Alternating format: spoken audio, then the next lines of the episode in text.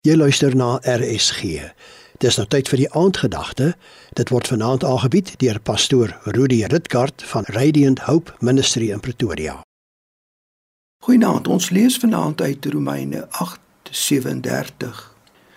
Tog is ons ten spyte van al hierdie dinge besig om 'n klinkende oorwinning te behaal deur Christus wat sy liefde so duidelik aan ons bewys het.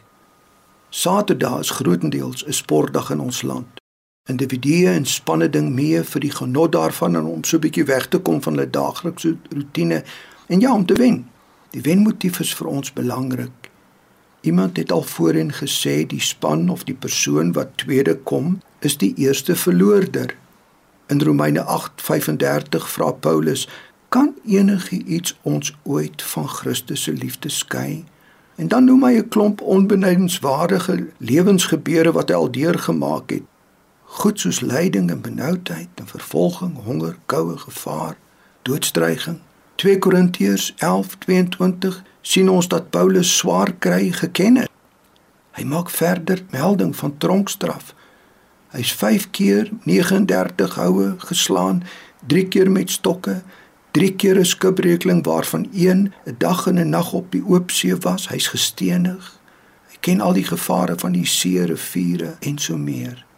Tog nie teenstaande al sy stryd en probleme, is hy besig om soos die teksvers sê, 'n klinkende oorwinning te behaal. Die 53 vertaling sê meer as oorwinnaar te wees. Was hy 'n supermens of iemand wat kontak met die werklikheid verloor het, 'n delusie van onoorwinnelikheid gehad het? Nee. Hy besef God is aan sy kant. Sy sekuriteit is daarin geleë dat absoluut niks hom van Christus se liefde kan skei nie. Hy vra dan ook in Romeine 8:35: Kan enige iets ons ooit van God se liefde skei? Somstyds dink ons verkeerlik dat die feit dat ons 'n Christen is, dit altyd voorspoedig met ons sal gaan en wanneer die lewe dan moeilik raak en dinge loop verkeerd of nie soos ons dit graag wil hê nie, dan dink ons ek is alleen Dis asof God my vergeet en verlaat het, dat hy my nie regtig liefhet nie. Ons moet besef dat ons in 'n gebroke wêreld met gebroke mense uitgedaag word om te midde van ons omstandighede, of dit goed of sleg is, steeds die keuse te maak om op God te vertrou en te glo dat absoluut niks ons van Christus se liefde sal skei nie. Juist dit maak ons oorwinnaars.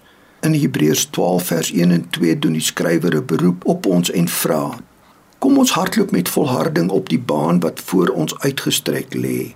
Ons oë vasgenaal op Jesus, die voorganger en volëinder van ons geloofswetloop. Kan ek jou vanaand uitnooi? Kom ons wees volhardende geloofsatlete. Die oproep vanaand. Kom ons wees meer as oorwinnaars in ons geloofswetloop.